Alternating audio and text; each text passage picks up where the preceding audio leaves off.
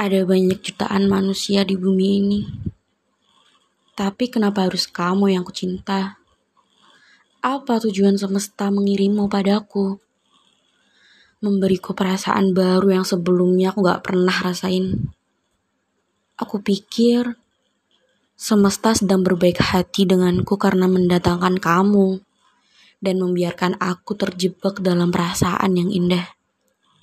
Tapi ternyata aku salah.